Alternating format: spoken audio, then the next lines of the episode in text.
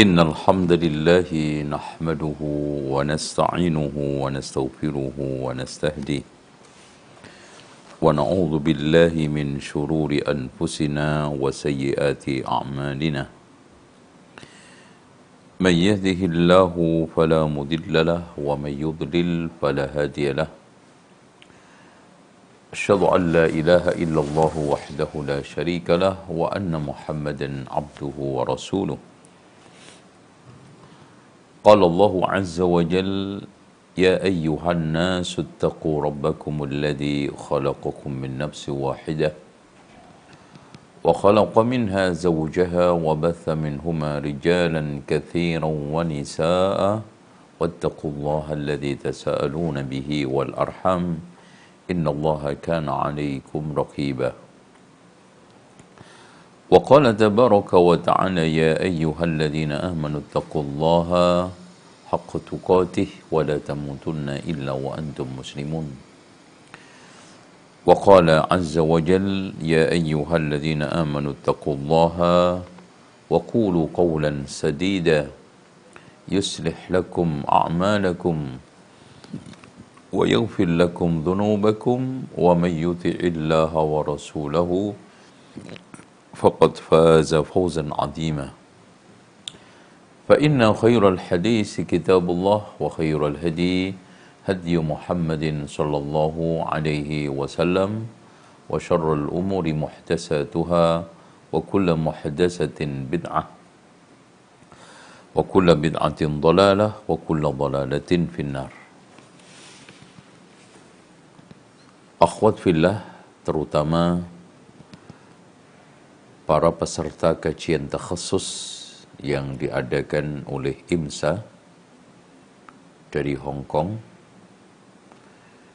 dan seluruh pemirsa yang mengikutinya lewat YouTube atau streaming atau ZA official atau TV IHBS atau mungkin lewat saluran-saluran lain untuk mengikuti bedah buku Kashfus Syubhat. Ya.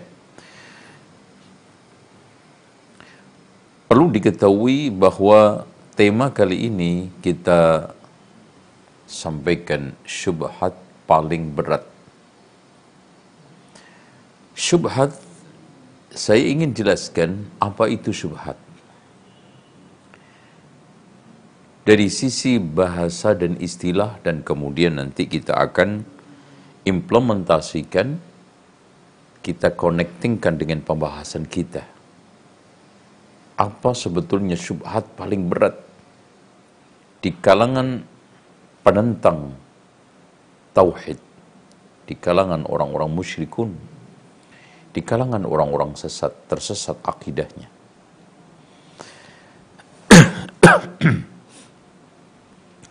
Syubhat merupakan istilah yang syar'iyah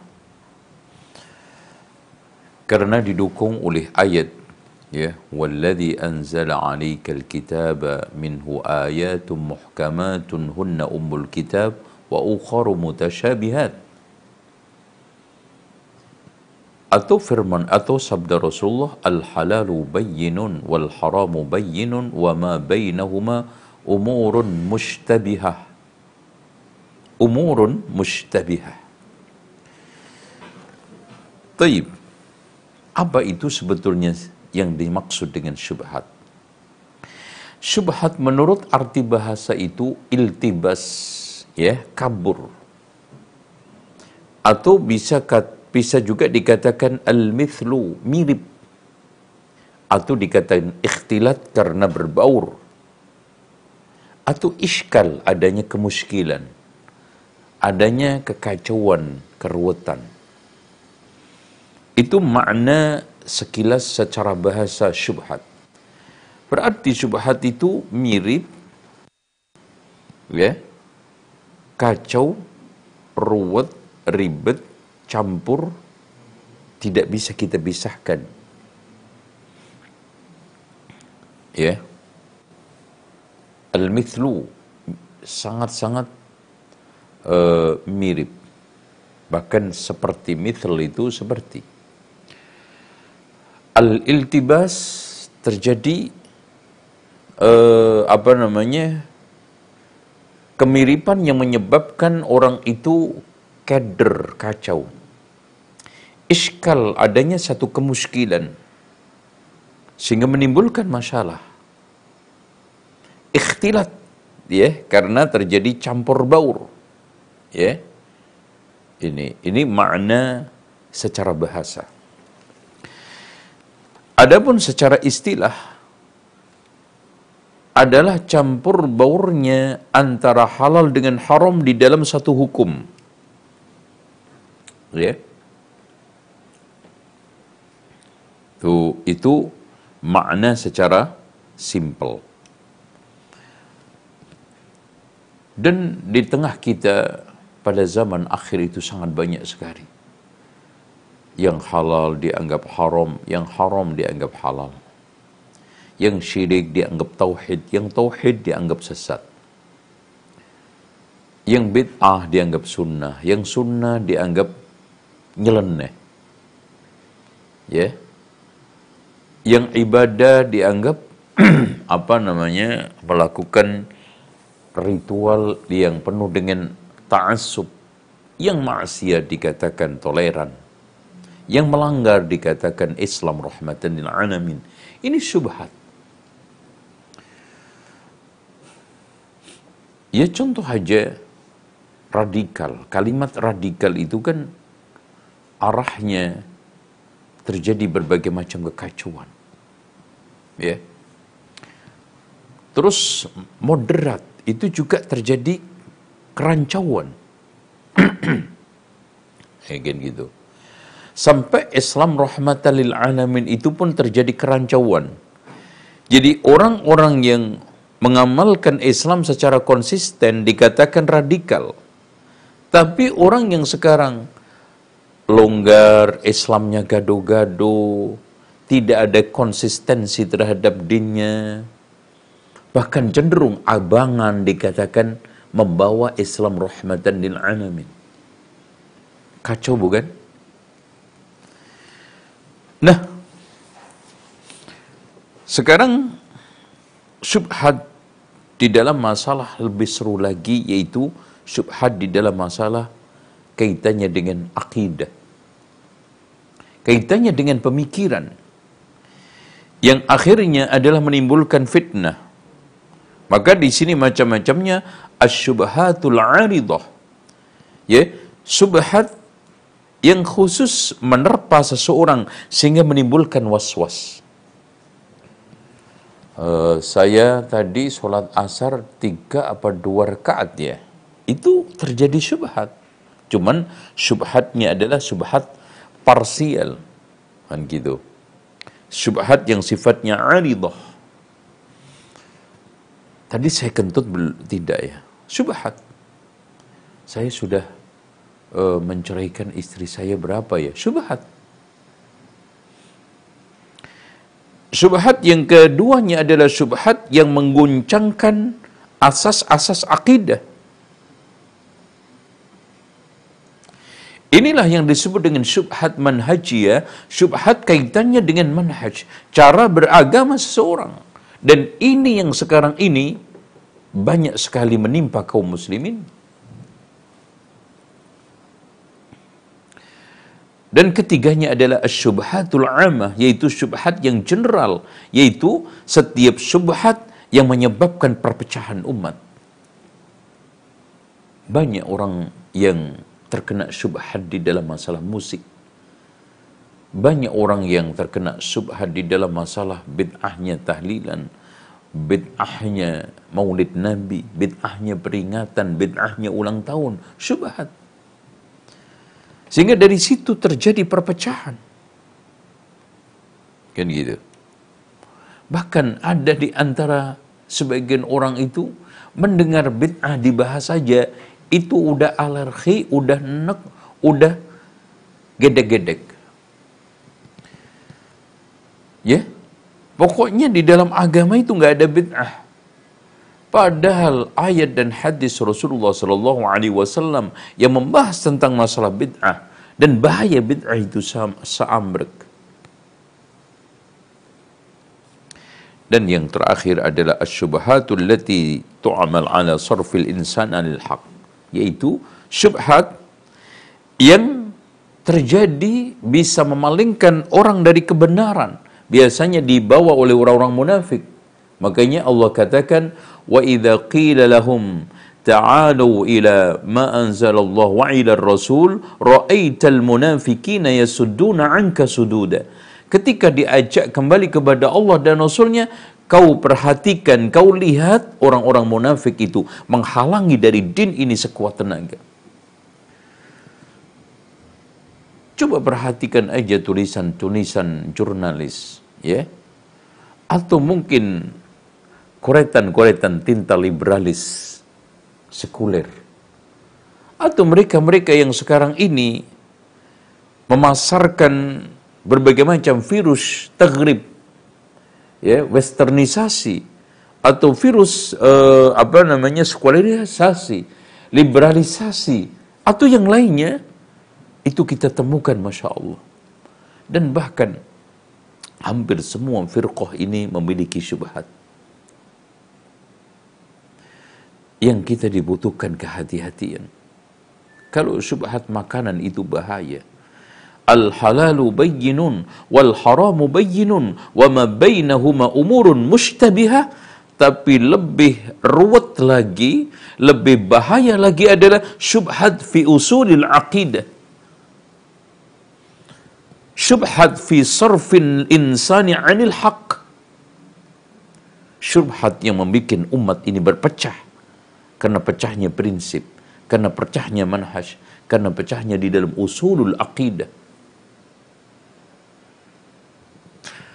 Nah, inilah penjelasan tentang masalah syubhat paling berat. Nah, mana yang paling berat?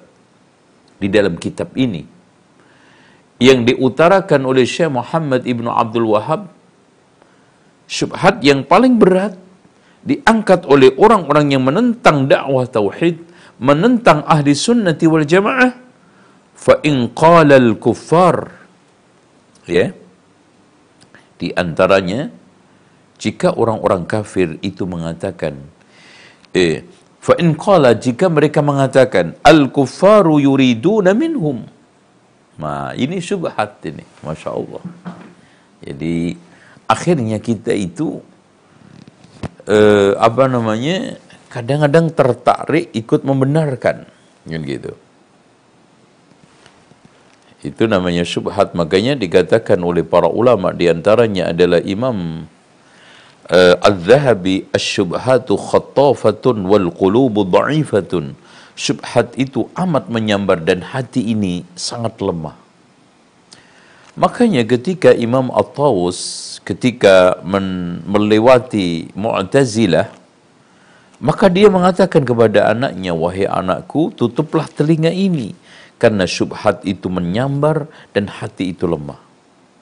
Bagaimana seorang imam besar kekhawatiran dia terhadap syubhat dan bahaya syubhat agar tidak menimpa kepada dirinya dan juga kepada anaknya dia mengatakan tutuplah telingamu wahai anakku karena syubhat ini amat menyambar dan hati ini lemah di antaranya mereka mengatakan bahwa perbuatan saya ini tidak seperti perbuatan orang-orang musyrikun itu. Oh, itu kan. Nggak sama. Itu kan gitu. Gimana bisa sama? Gimana kamu bisa menyamakan saya dengan orang-orang musyrikun, kufar? Al-kufaru yuriduna minhum. Orang-orang kafir yang menyembah berhala itu menjadikan berhalanya itu Tuhan, meminta kepadanya rizki, meminta kepadanya keselamatan dunia akhirat, meminta kepadanya keuntungan kerugian jodoh termasuk juga lancarnya usaha. Sementara kami tidak. Wa ana asyhadu anna Allah kami bersaksi bahwa Allah an-nafi'u ad-dar al-mudabbir. Kami bersaksi bahwa Allah lah yang memberikan manfaat kepada saya, yang memberikan bahaya kepada saya, yang mengatur alam semesta dan termasuk mengatur rizki saya ini, mengatur nasib saya. La uridu illa minhu. Saya tidak menginginkan kecuali dari Allah. Tuh, beda bukan? Wassalihuna laysa lahum minal amri syai'. Orang-orang soleh di sini tidak ada peran sama sekali. Walakin aqsuduhum arju minallahi syafa'atahum. Cuma saya itu menginginkan syafaat mereka. Gimana samanya? Kamu ini ada-ada aja, kan gitu.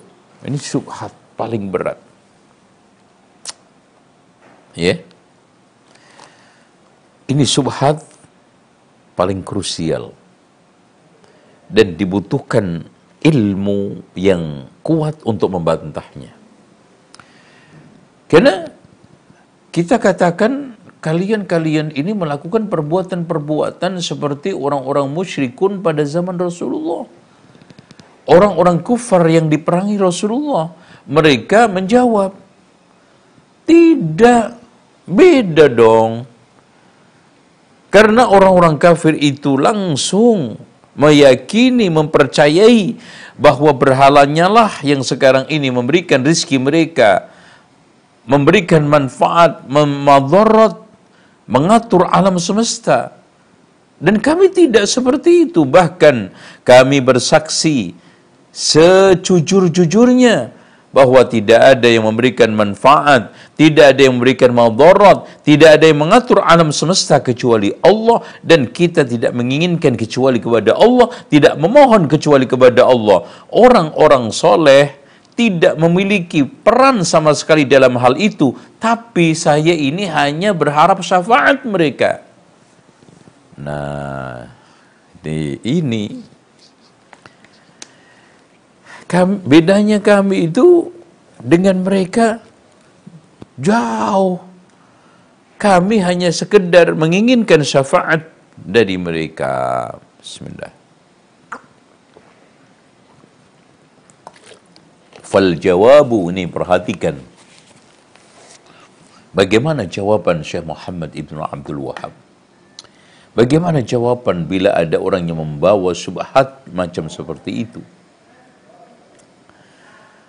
Fal jawabu jawabnya anna hadha qawlul kuffar. Anna hadha qawlul kuffari sawa'an bisawa' itu ucapan persis ucapan orang-orang kafir yang disampaikan kepada Rasulullah dulu. Ucapan kalian seperti itu mirip persis sawaun bisawa dengan ucapan orang-orang musyrik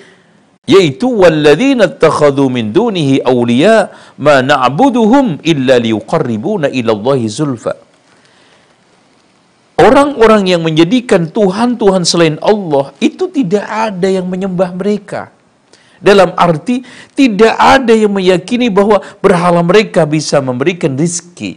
Berhala mereka bisa menyelamatkan. Berhala mereka bisa mematikan, menghidupkan. Berhala mereka itu bisa mengatur alam semesta ini. Tidak. Bahkan ketika mereka ditanya oleh Rasulullah, wala in sa'altahum man khalaqas samawati wal ard la yaqulunna Allah ketika mereka engkau tanya Muhammad siapa yang menciptakan langit dan bumi? Allah. Cuma kami mendekatkan kepada mereka sedekat dengatnya agar mereka itu bisa menjadi zulfa perantara. Sehingga nanti mereka itu memberikan inayah, bantuan, syafaat sama juga bantuan dan berbagai macam supply rahmat, karunia dan yang lainnya. Kebaikan-kebaikan yang kita inginkan. Jadi sama-sama orang musyrik dulu itu hanya menjadikan berhala itu sebagai perantara. Sama juga orang-orang yang sekarang ini menyembah kuburan mengkultuskan wali, mengagungkan wali, mendatangi tempat-tempat keramatan, dia jadikan tempat itu sebagai sarana, wasilah. Kedua-duanya ini tidak ada teks untuk menyembah selain Allah. Dalam konteks mereka memohon kepada berhala sebagaimana mereka memohon kepada kuburan keramatan, dan yang lainnya. Dan mereka yakin bahwa kuburan inilah yang akan memberi kelancaran rezeki saya. Mereka yakin kuburan inilah yang akan melancarkan rezeki saya. Kuburan ini yang bisa menyembuhkan penyakit saya. Kuburan ini yang bisa mendatangkan jodoh saya. Begitu juga. Gak ada satupun orang musyrik yang mengatakan berhala ini yang akan memberikan rezeki saya. Berhala ini yang akan menyembuhkan penyakit dari uh, penyakit saya. Berhala ini yang sekarang melancarkan usaha saya. Tidak ada. Keduanya berprinsip ma na'buduhum illa liyuqarribuna ilallahi zulfa. Kami hanya menjadikan mereka itu perantara agar kami lebih dekat kepada Allah. Sehingga saya akan diberi berbagai macam karunia Allah lewat syafaatnya wali kalau sekarang. Lewat syafaatnya berhala yang diyakini oleh orang-orang musyrik pada zaman Rasulullah. Berarti sama mereka. Walakin aqsudu arju minallah syafa'atahum. Saya meminta kepada Allah supaya berhala itu memberikan syafaat bantuan. Saya memohon kepada Allah supaya kuburan itu memberikan syafaat bantuan. Jadi kuburan sama berhala itu hanya perantara, hanya zulfa dan pada hakikatnya saya yakin yang memberikan rezeki itu Allah, yang memberikan manfaat madarat itu Allah, yang mengatur alam semesta itu Allah. Sama. Wa qawluhu ta'ala wa yaquluna haula'i syufa'auna indallah. Dan kedua-duanya akhirnya sama, mengatakan wa yaquluna haula mereka-mereka arca-arca yang di sekitar Ka'bah mereka itu hanya sekedar syufa'auna indallah. Kuburan-kuburan keramatan-keramatan orang-orang suci wali itu juga haula'i syufa'auna indallah. Mereka itu hanya perantara-perantara yang bisa melancarkan permintaan saya kepada Allah perantara-perantara yang bisa mendekatkan diri saya kepada Allah, perantara-perantara yang bisa mendatangkan uluran tangan Allah. Sama. Gak ada beda.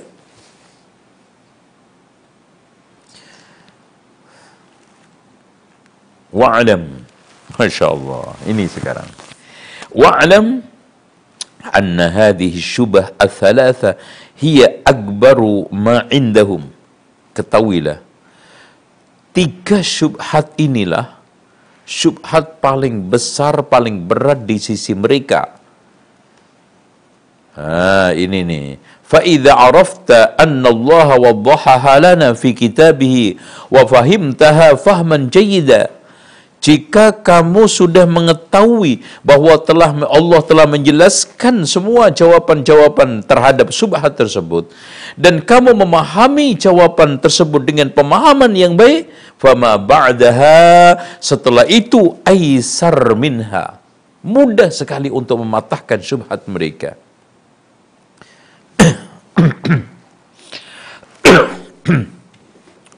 wa qawlu rahimahullahu ta'ala hadhi syubhat thalatha yang dimaksudkan syubhat tiga ini saya ulas ya. Yang pertama annana la na'budul asnam innama na'budul awliya. Syubhat paling terberat mereka. Mereka mengatakan kami tidak menyembah berhala. Kami hanya menyembah para wali orang suci Gimana kamu samakan saya dengan orang-orang musyrik pada zaman Rasulullah? Kita udah bantah. Orang-orang musyrik pada zaman Rasulullah dulu tidak serta-merta dan tidak hanya menyembah berhala arca. Ada yang menyembah. kami tidak menyembah berhala, kami hanya menyembah orang-orang suci. Terpatahkan musyrikun pada zaman Rasulullah sallallahu alaihi wasallam. Bahkan umat sebelum Rasulullah ada yang menyembah manusia seperti nabi. Ada yang menyembah malaikat. Ada yang menyembah orang suci. Oke okay. asyubhatu thaniyah subhat yang kedua. Annaka tuqirru anna Allah farada 'alaika eh, maaf. Annana ma qasadnahum wa innama qasadna Allah azza wa jalla fil ibadah. Subhat yang kedua, kami tidak menyembah Allah. Eh, maaf. Kami tidak menyembah mereka. Kami tidak menjadikan mereka itu sebagai tujuan. Tujuan utama pertama di dalam ibadah ini adalah Allah. Kita bantah. Sama juga orang-orang musyrik pada zaman dulu. Mereka itu tidak menjadikan Allah itu sebagai tujuan mereka tidak meyakini bahwa Allah yang memberikan rezeki mereka, Allah yang menciptakan mereka, eh, maaf, ya, berhala yang memberi rezeki mereka. Mereka tidak yakin bahwa mereka tidak yakin berhala ya berhala mereka yang menciptakan mereka. Memberi rezeki mereka, menyelamatkan mereka, memberikan kesembuhan mereka tidak. Bahkan orang-orang musyrikun pada zaman Rasulullah yakin bahwa yang menciptakan mereka adalah Allah yang memberi rizki dia adalah Allah. Yang menyembuhkan penyakit mereka adalah Allah. Sama. Ya. Saya ulangi lagi. Subhat yang kedua. Mereka mengatakan, Annana ma qasadnahum. Kami tidak menyembah mereka. Kami tidak menjadikan para wali yang ada di kuburan itu sebagai tujuan ibadah Wa innama qasadna Allah tujuan kami di dalam beribadah tetap Allah. Wali itu, orang suci itu hanya sebagai perantara, sebagai sarana, wasilah untuk mendekatkan diri saya kepada Allah. Dan akhirnya saya itu menginginkan syafaat mereka, itu aja. Nah, sama. Orang-orang musyrikun juga keyakinannya seperti illa liuqarribuna ilallahi zulfa. Subhat yang ketiga. Annana ma abadnahum liyanfa'una aw yadurruna fa inna an-naf'a wad-dharra biyadillahi azza wa jal walakin liyuqarribuna ilallahi zulfa. Kami menyembah mereka tidak ada sama sekali keyakinan bahwa berhala atau orang soleh atau kuburan atau keramatan itu memberikan manfaat kepada kami, mendatangkan bahaya kepada kami. Kami yakin kemanfaatan dan bahaya itu di tangan Allah, tapi kami ingin wali-wali, orang-orang suci, mereka-mereka yang ada di tempat kuburan keramat itu mendekatkan kami kepada Allah. Fanahnu qasadna syafa'atahum bidzalika sehingga kami hanya menginginkan syafaat mereka. Yakni fanahnu la nusyrik billahi. Kami enggak syirik. Tuh. Sudah clear? Jadi ketika kita sudah memahami syubhat mereka dan kita sudah memahami jawabannya secara baik, maka kita akan lebih mudah lagi untuk membantah, untuk menangkis subhat-subhat yang lainnya. Ini subhat yang paling terkuat. Ini subhat yang paling hebat. Ini subhat yang paling berat. Kalau kita pahami insya Allah. Yang pertama saya ulangi lagi. Kami tidak menyembah berhala. Kami hanya menyembah para wali. Jawabannya, orang-orang musyrik pada zaman Rasulullah dulu juga tidak hanya menyembah arca. Ada yang menyembah wali, ada yang menyembah nabi, ada yang menyembah malaikat. Selesai. Subhat yang kedua, annana ma qasadnahum wa inna ma Allah azza wa jalla fil ibadah. Kami tidak menjadikan para wali mereka-mereka orang suci, kuburan keramatan itu sebagai tujuan ibadah. Tujuan ibadah saya tetap Allah Subhanahu wa taala. Jawabannya sama. Orang-orang musyrik pada zaman Rasulullah dulu juga tidak ada satupun yang menjadikan arca berhala itu sebagai tujuan untuk ibadah. Clear? Subhat yang ketiga, annana ma'abadnahum liyanfa'una aw yadurruna. Kami tidak menyembah mereka di dalam rangka bahwa kami yakin mereka itu memberikan manfaat ke atau mendatangkan manfaat kepada kami, mendatangkan bahaya kami. Bahkan kami yakin kemanfaatan dan bahaya itu di tangan Allah. Tapi kami ingin menjadikan mereka-mereka wali itu mendekatkan diri kepada Allah. Dan kami hanya ingin mendapatkan syafaat mereka di sisi Allah. Kami tidak melakukan kesyirikan. Jawabannya sama. Orang-orang musyrikun juga tidak ada satupun yang meyakini arcanya yang di sekitar Ka'bah dan di tempat-tempat lain itu bisa mendatangkan manfaat, madarat. Bahkan mereka yakin kemanfaatan dan kemadaratan itu ada di tangan Allah Subhanahu wa taala.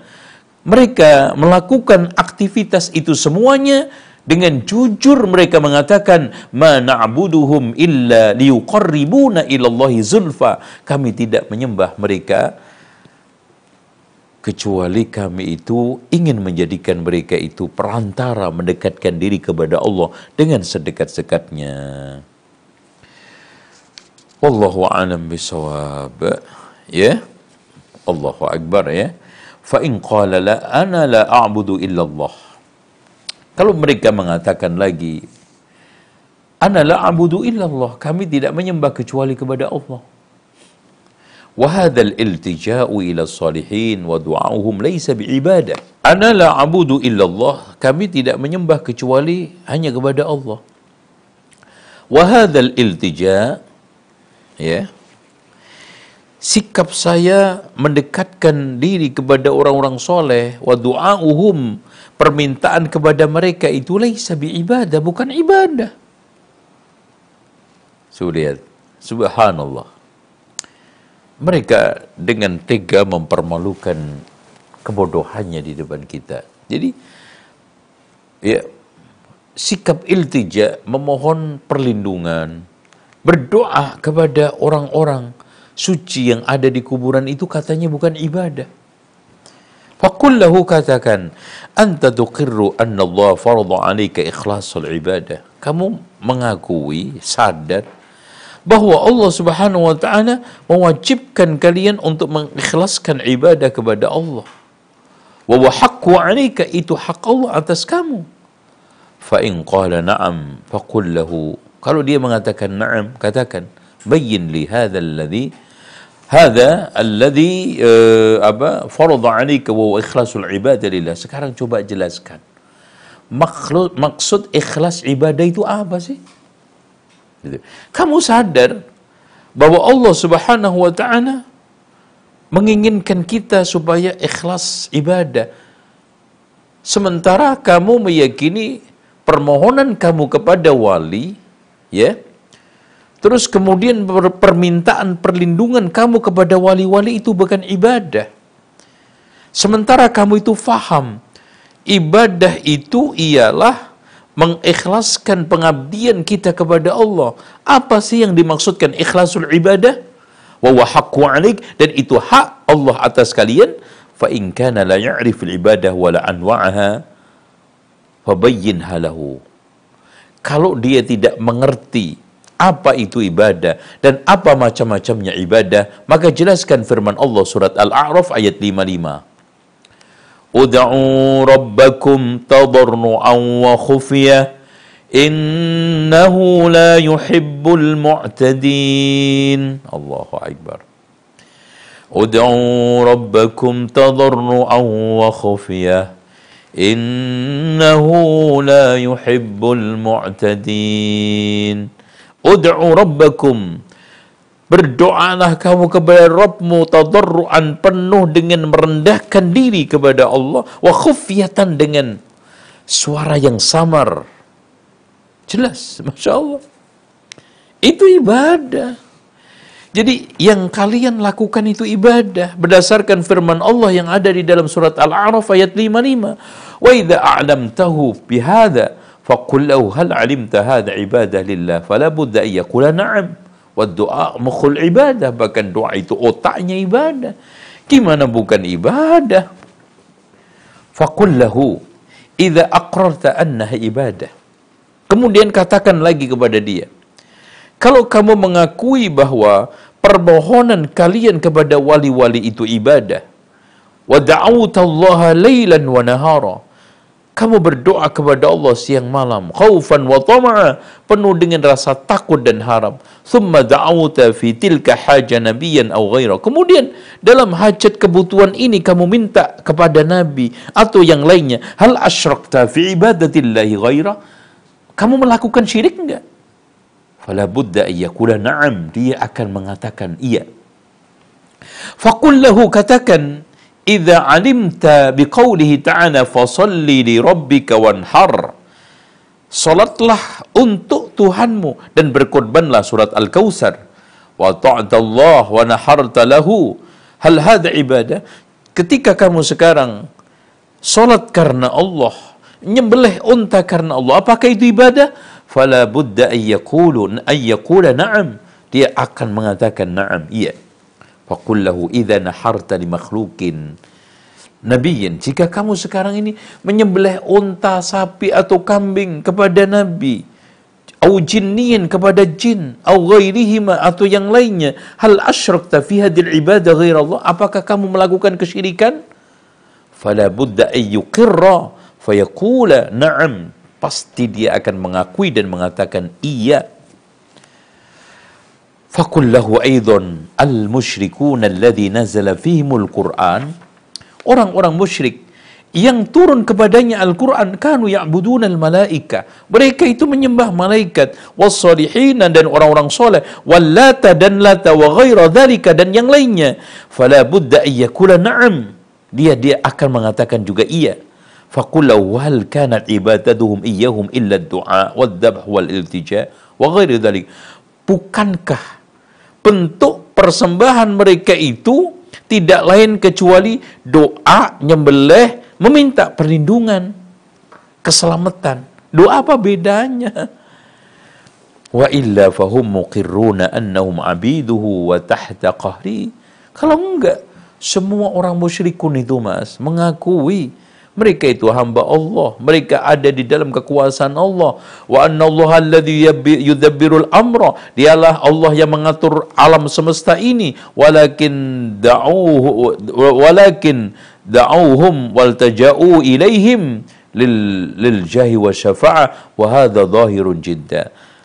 Hanya saja mereka itu menyembah mereka wal uh, menyembah malaikat orang soleh Lata dan berlindung kepada mereka karena hanya adanya keyakinan bahwa mereka-mereka itu punya jah kedudukan di sisi Allah. Syafaat mampu membantu. Wa hadza zahirun jidda. Ini jelas gamblang. Jika demikian closing. Kita sampai kepada suatu penghujung penjelasan bahwa Allah Subhanahu wa taala menjelaskan syubhat mereka yang terberat secara tuntas. Dan syubhat-syubhat berikutnya itu hanyalah sekedar kacangan yang kita bantah dengan mudah kalau kita bisa menguasai inti daripada syubhat mereka. Tiga, itulah syubhat yang paling kuat, itulah syubhat yang paling berat, itulah syubhat yang paling hebat dan jawabannya sudah saya sampaikan berulang kali. Ya, saya sampaikan ber uh, apa namanya dengan bahasa yang sangat mudah dicerna dengan satu cara-cara yang uh, bahasa yang mudah untuk ditangkap.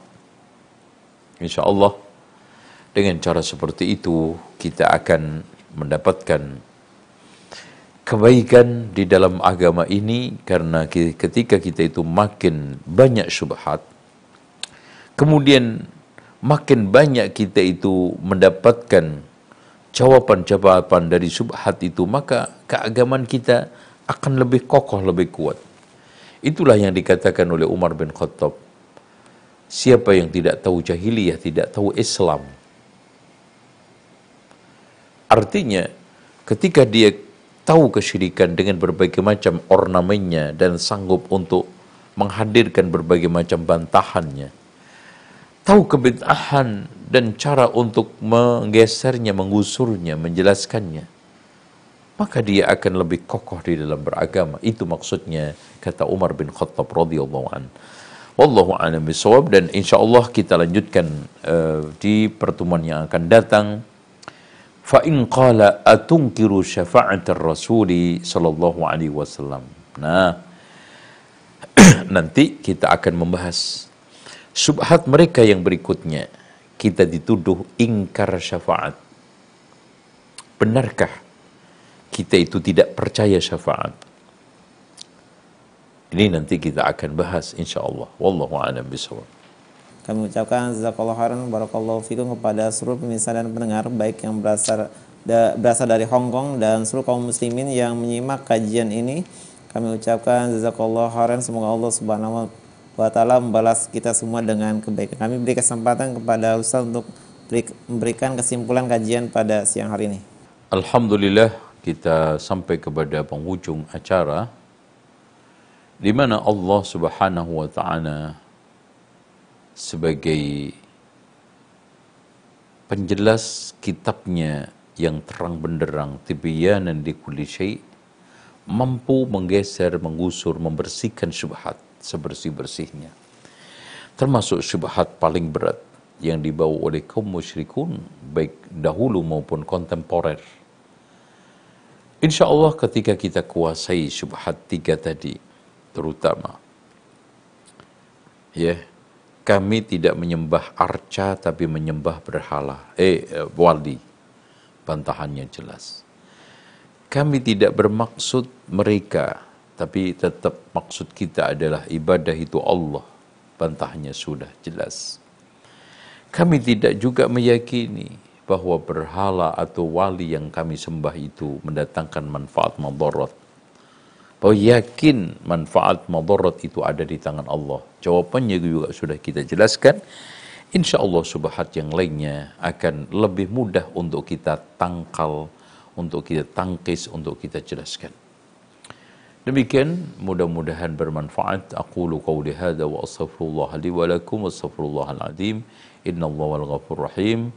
سبحانك الله حمدك أشهد أن لا إله إلا أنت أستغفرك وأتوب إليك والسلام عليكم ورحمة الله وبركاته